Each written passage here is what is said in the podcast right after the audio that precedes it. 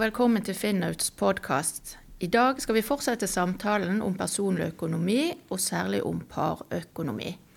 Til å snakke om dette har vi invitert Ellen Katrine Nyhus. Og Ellen, du kan jo presentere deg selv. Ja, Tusen takk for invitasjonen. Da. Det er hyggelig å få være med på dette. Jeg har jo vært styremedlem i Finnaut i to år nå. Eh, og til vanlig så er jeg professor i markedsføring på Handelshøyskolen ved Universitetet i Agder. Og så er jeg fagansvarlig for privatøkonomi i Store norske leksikon. Og så er jeg styremedlem i Søgne og Grepstad Sparebank. Så jeg har litt å drive med. Du har litt å drive med, ja. Um, Ellen, uh, dette er jo en uh, som jeg sa, en fortsettelse på en samtale som vi har hatt, og en mm. tidligere podkast. Uh, og når vi forberedte denne podkasten, så snakket vi jo om at du har sett litt på eller forsket på personlig økonomi og parøkonomi, og hvordan man organiserer seg internt. Eh, kan du fortelle litt om det? Ja, eh, Jeg har ikke forsket så mye selv på parøkonomi, men jeg har lest en del av andres forskning. For det, når jeg studerer personlig økonomi, f.eks. vil finne ut hva som påvirker sparing i en husholdning, så, jeg, så har jeg av og til samlet inn data fra både mann og kone. Og da er det jo eh, først interessant å se at de ikke de svarer det samme. Så de har tydeligvis uh, ulike oppfatninger av hvor mye de tjener, og hvor mye sparing de har. Eh, men så måtte jeg også prøve å finne ut hvordan skal jeg vekte svar fra mann og kone annerledes, f.eks. Og da prøvde jeg å lese litt sånn litteratur, og det var jo veldig interessant lesning. Uh, så Det er særlig sosiologer som har undersøkt hvordan dette foregår i husholdninger. Og da har F.eks. de funnet ut i England eh, at par, eh, mange par har ikke hatt noen eksplisitte samtaler f.eks.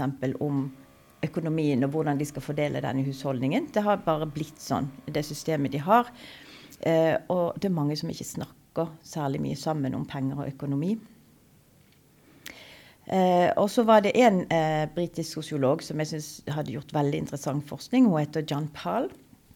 Hun var, hun forsket egentlig på, uh, på, hvordan det går med kvinner som hadde brutt ut av voldelige uh, forhold. Uh, og det som slo henne da, det var det at disse kvinnene som levde på de laveste sosialsatsene i England, de sa at de syntes de hadde fått så god råd.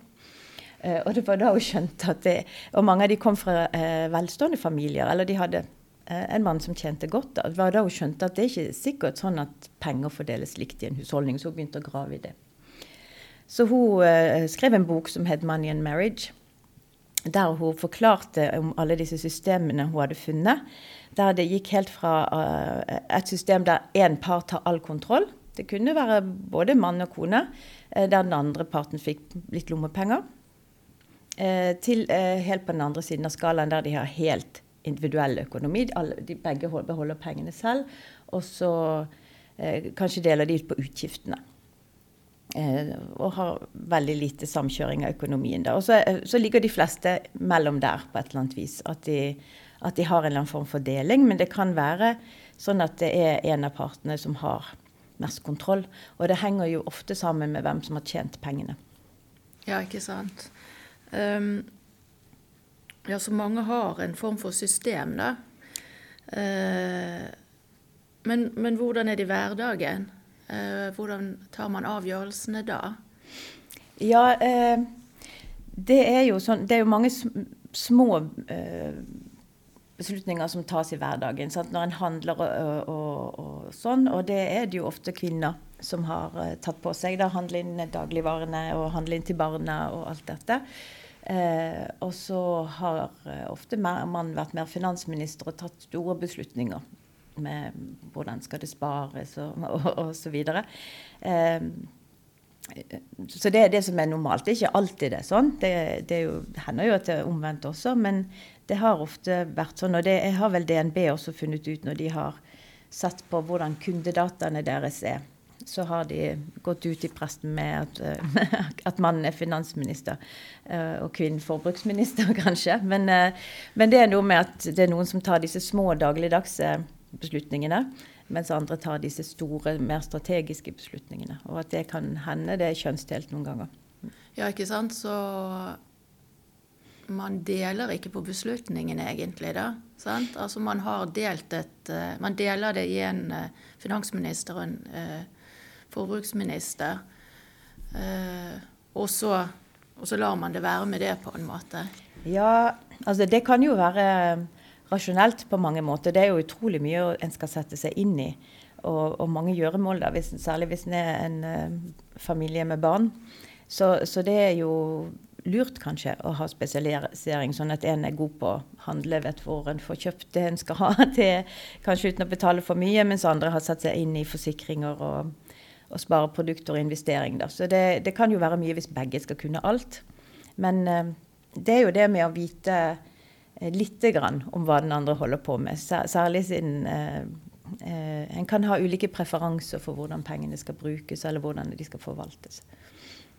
Ja, og det er jo Jeg tenker jo at det har noe med å eh, Jeg skjønner det at man fordeler det, men det med å, å delegere bort kompetansen òg, mm. tenker jeg at det kan sette deg i en veldig sårbar situasjon. Det betyr jo ikke at folk er ute etter å lure deg eller uh, altså, Sånn som du sa innledningsvis, Nei. i voldelige forhold eller noe sånt. Men uh, det ja, jeg, jeg, liksom, jeg, vil gjerne høre litt dine tanker der, for jeg syns jo det er rart at man delegerer bort noe som er så viktig tross mm. alt, og lar en annen ta en avgjørelse som F.eks.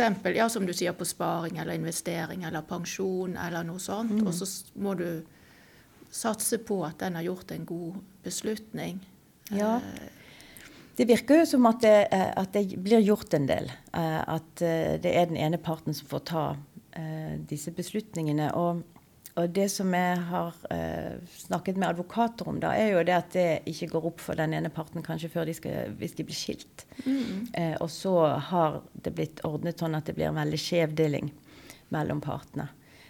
så da har jo Uh, og, og, og, da vet en jo ikke om den ene har gjort det i, i fullt vitende, eller om, det, om, de har på en måte bare vært litt heldige med hvordan f.eks. arv har blitt for, forvaltet. Sånn at hvis, hvis, en har arvet, så skal du jo kunne få det med deg ut igjen av ekteskapet, hvis det er lett å på en måte eh, se at en spesiell eiendel eller penger på konto er knyttet til arven. men Eh, men eh, i noen tilfeller så har jo det bare skjedd for den ene partens arv, mens den andres arv har gått inn i forbruket. Og så blir det en veldig skeiv fordeling, da. For da den ene får med seg arv, den andre gjør det ikke.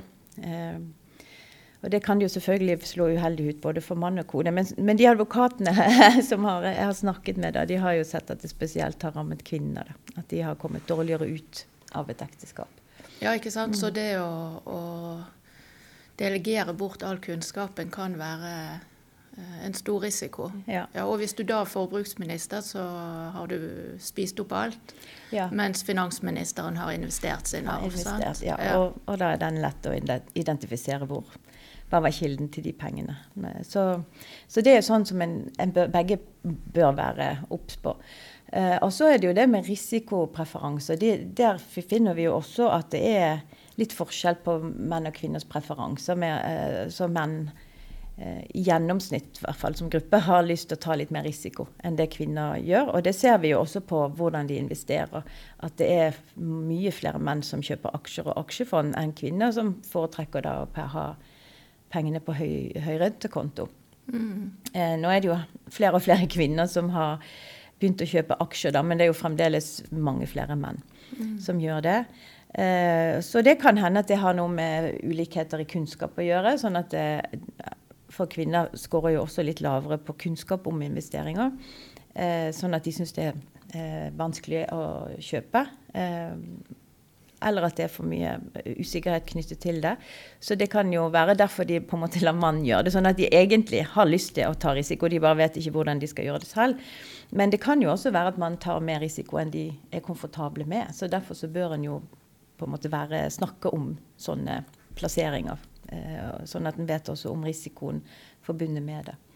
Ja, og, og, det er vel sånn, i hvert fall min erfaring er jo at er nifst første gangen. sant? Men du mm. venner deg jo til risiko, og du ser at, uh, at dette går jo bra. Det går opp og ned, Ja. men det går bra. Ja. Eh, så alt Altså sånn erfaringsbasert eh, læring. Ja, og, det, og en lærer jo også, hvis en kan litt mer, så vil en jo også lære litt hvordan en kan diversifisere og på en måte redusere risikoen litt, håndtere den bedre. Så, og det trenger en del kompetanse til, så en kan jo forstå at ikke begge eh, kan alt dette. Men, eh, men det er allikevel lurt å følge med på hva som blir gjort, og ha snakket om hvor stor risiko skal vi ta med våre fellespenger. Eh, og en annen ting eh, en bør følge med på, er jo hvordan pensjonsrettigheter blir fordelt. Og særlig hvis ikke begge jobber like mye og har like gode pensjonsordninger på jobben. Da. Og, eh, det er jo fremdeles mange kvinner som velger å jobbe deltid i en periode, og som dermed går glipp av god eh, pensjonsopptjening. Så det kan jo også føre til at de, hvis de blir skilt, da, så vil de ende opp med ulike, ulik pensjon i, i, når de går av med pensjon. For, eh, og, så det kan jo også være lurt å snakke om hvordan pensjonsrettigheter tjenes opp. Hvem er det som har de? For de, jo også, eh, de inngår jo ikke i boet når en, hvis en blir skilt. Så det bør jo kanskje opprettes egen pensjonssparing for den som er hjemmeværende. Da, som, som, som regel er kvinnen. Ja, ikke sant? Som en kompensasjon, eller hva man Ja. skal si. da. Mm. Eh, og så eh, har jo Finn autoriserer jo rådgivere Ja. i eh, bank og forsikring. Så man kan jo ta en samtale med rådgiveren sin i banken òg. Eh, og eh, få litt hjelp eller få litt spørsmål om det. Og det, nå finnes det jo også veldig mye gode digitale verktøy. Ja. Så hvis mm. man eh, skal man si, orker å bruke litt tid på det, så er jo kunnskapen tilgjengelig mer enn nå enn kanskje noen gang.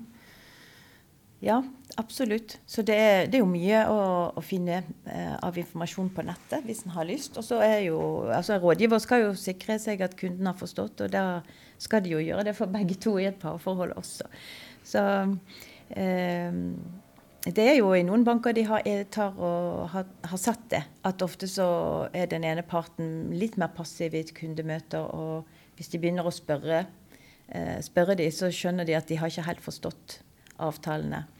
Eh, sånn at de har hatt egne møter med det er som regel kvinner, da, må jeg, må jeg jo si.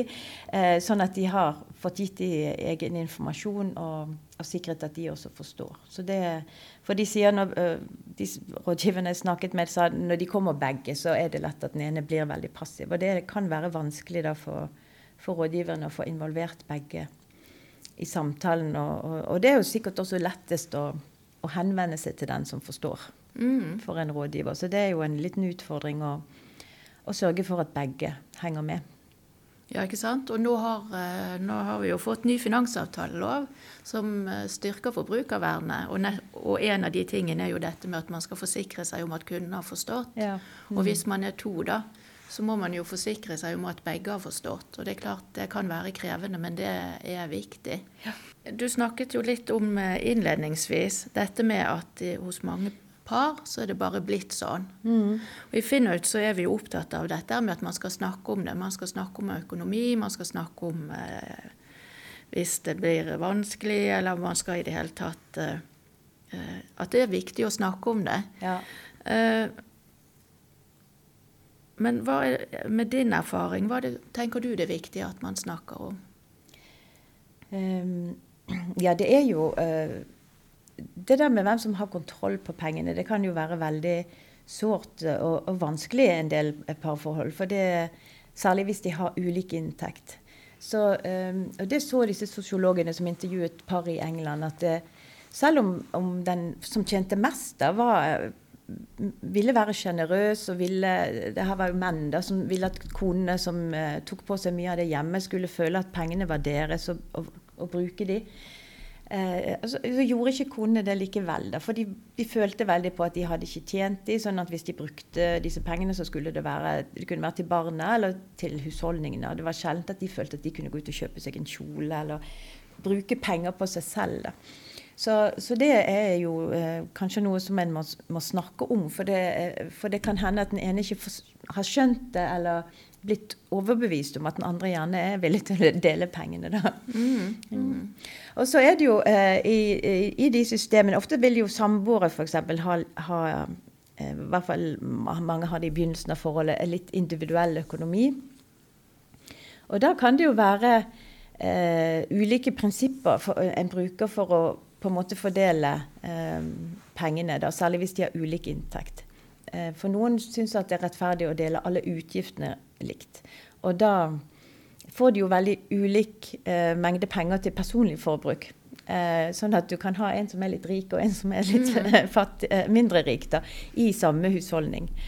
Eh, mens de andre de tenker at vi skal sitte igjen med det samme til personlig forbruk. og så, så da blir det mer at de deler utgiftene etter evne.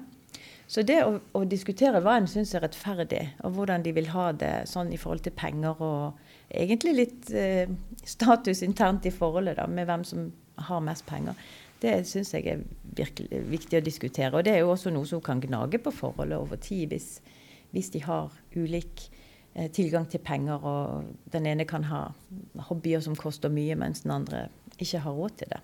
Ja, ikke sant. Og det er jo litt tilfeldig hvilke yrker som eh, gir hvilken inntekt. Sant? Ja. Og jeg ser jo det i en, eh, en del sånne spørrespalter. Eh, så er det jo mye akkurat det der med hvordan man skal dele økonomien internt. Og noen eh, har veldig sånn 50-50 som kan virke urettferdig fordi at i, en, i, et forhold og i en familie og en relasjon så putter du jo alt. Mm. Sånn, som du sier, noen har en hobby, noen gjør mer av ditt, noen mer eh, En jobber mye, en tar seg mer av barna, en Ja, hva vet jeg. Ja. Sånn, sånn at det der at hvis det bare er pengene man snakker om, så kan det jo også komme veldig uheldig ut, og som da gjør det mulig for den ene å spare ja. mye. Sant? Ja, Mens den andre eh, mm. må betale på eh, regningene. Og, ja, ikke sant? Så, og, og, som du sier, at det er jo sikkert sånn som vil eh, gnage, og som sikkert ikke er bra eh, i en eh, relasjon. Ja.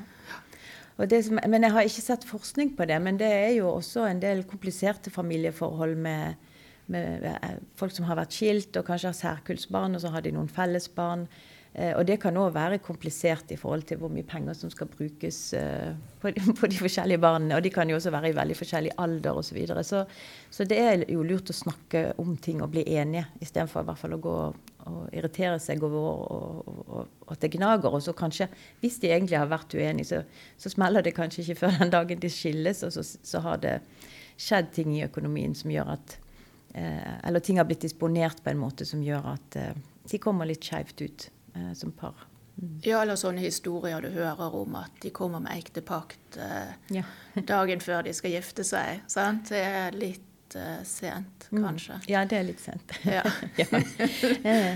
Så, eh, ja, så det er jo For det er jo mye følelser knyttet til det, hvem som eier, har pengene. Og jeg kan tenke at nå, da, hvis det er flere som føler på at det begynner å, og, at de har strammere økonomi, så må en jo kanskje begynne å prioritere. Og det kan jo også være kanskje litt vanskelig når en må hvis en må kutte i personlig forbruk. Da er det din hobby eller min hobby som, må, som må, det skal kuttes i, f.eks. Eller eh, andre vaner som en kanskje kunne ha før, med å bruke masse penger på frisør eller masse penger på, på golf. Altså det er kanskje ting en må kutte på.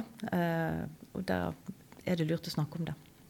Ja, ikke sant. Mm. Da er det i hvert fall på tide å sette seg ned eh, og snakke om det. Men det eh, som jeg gjerne vil spørre deg om, Ellen, er jo dette her eh, med kunnskap om økonomi. Eh, og viktigheten av det. For det, det, er jo, det, er jo, noe av det viktigste i livene våre. Det er jo også en sånn grunnlag for å få et godt liv, da. Og for å unngå at det gnager på et forhold, eller gnager på en selv, eller sånne ting.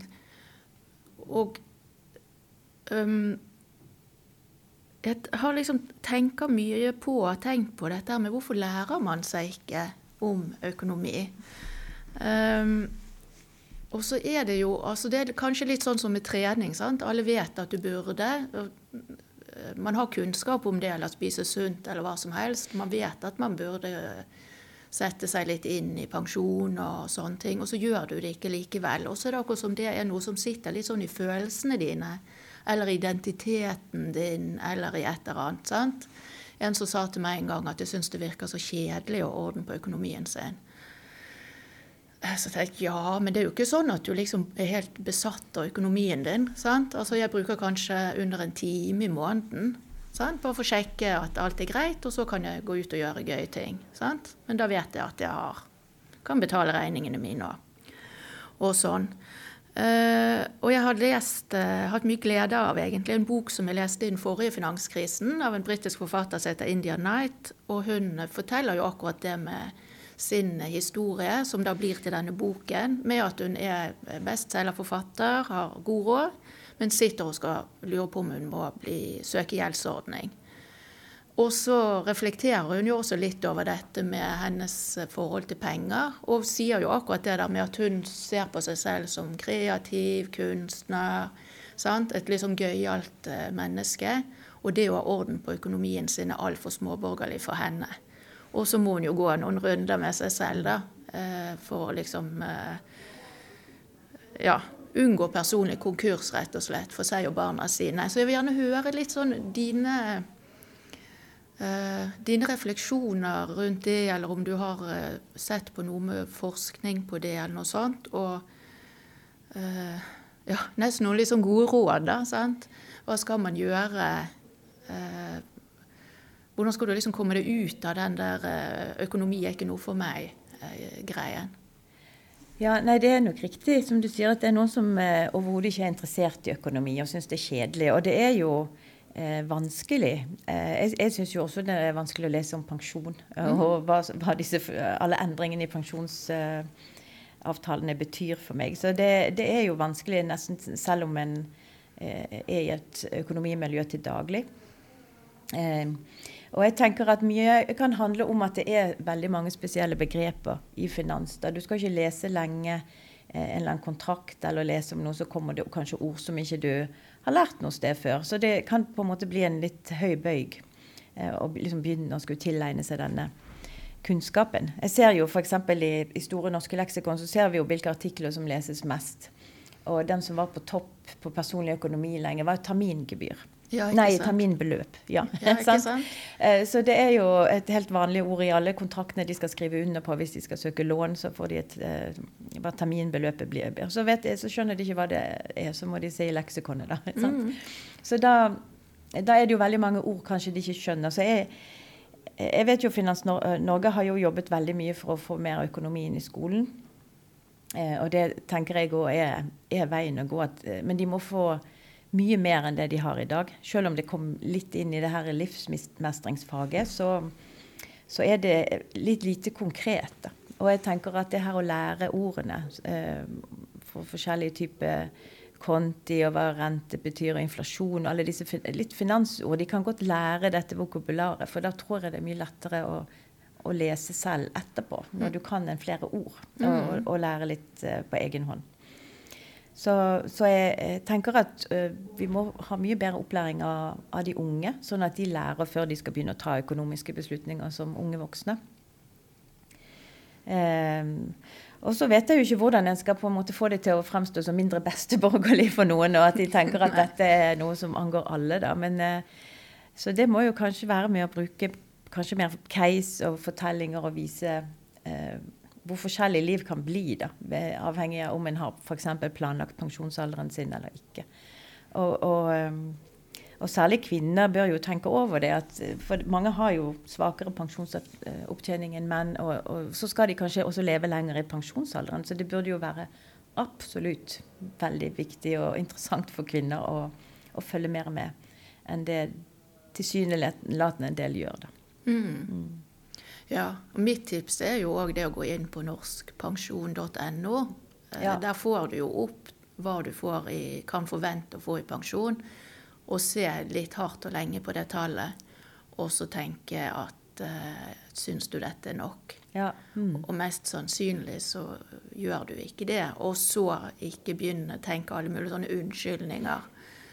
Uh, for at ja, ja, det løser seg sikkert. Det er jo ikke sikkert det gjør det. Nei. Nei.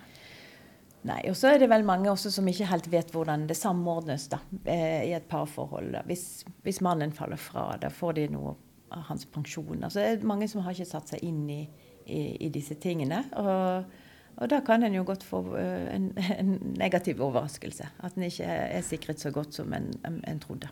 Ja, ikke sant? Så kan man heller bruke den tiden som man bruker på å bekymre seg, Ja. til å lære seg litt. Ja. Og så ta grep i tide. Akkurat med pensjonssparing så, det jo, så handler det jo om å, å, å gjøre ting i tide, og ikke tenke på det et år før en skal gå med pensjon. Da er det litt for seint å begynne sparingen. Ja, da er det litt sent. Men tusen takk, Ellen, for at du delte dine innsikter med oss. Og tusen takk for denne hyggelige samtalen. Jo, tusen takk. Du har nå hørt på en podkast fra Finnaut. Denne og andre podkaster fra oss finner du i Spotify eller Apple Podkast eller på finnaut.no.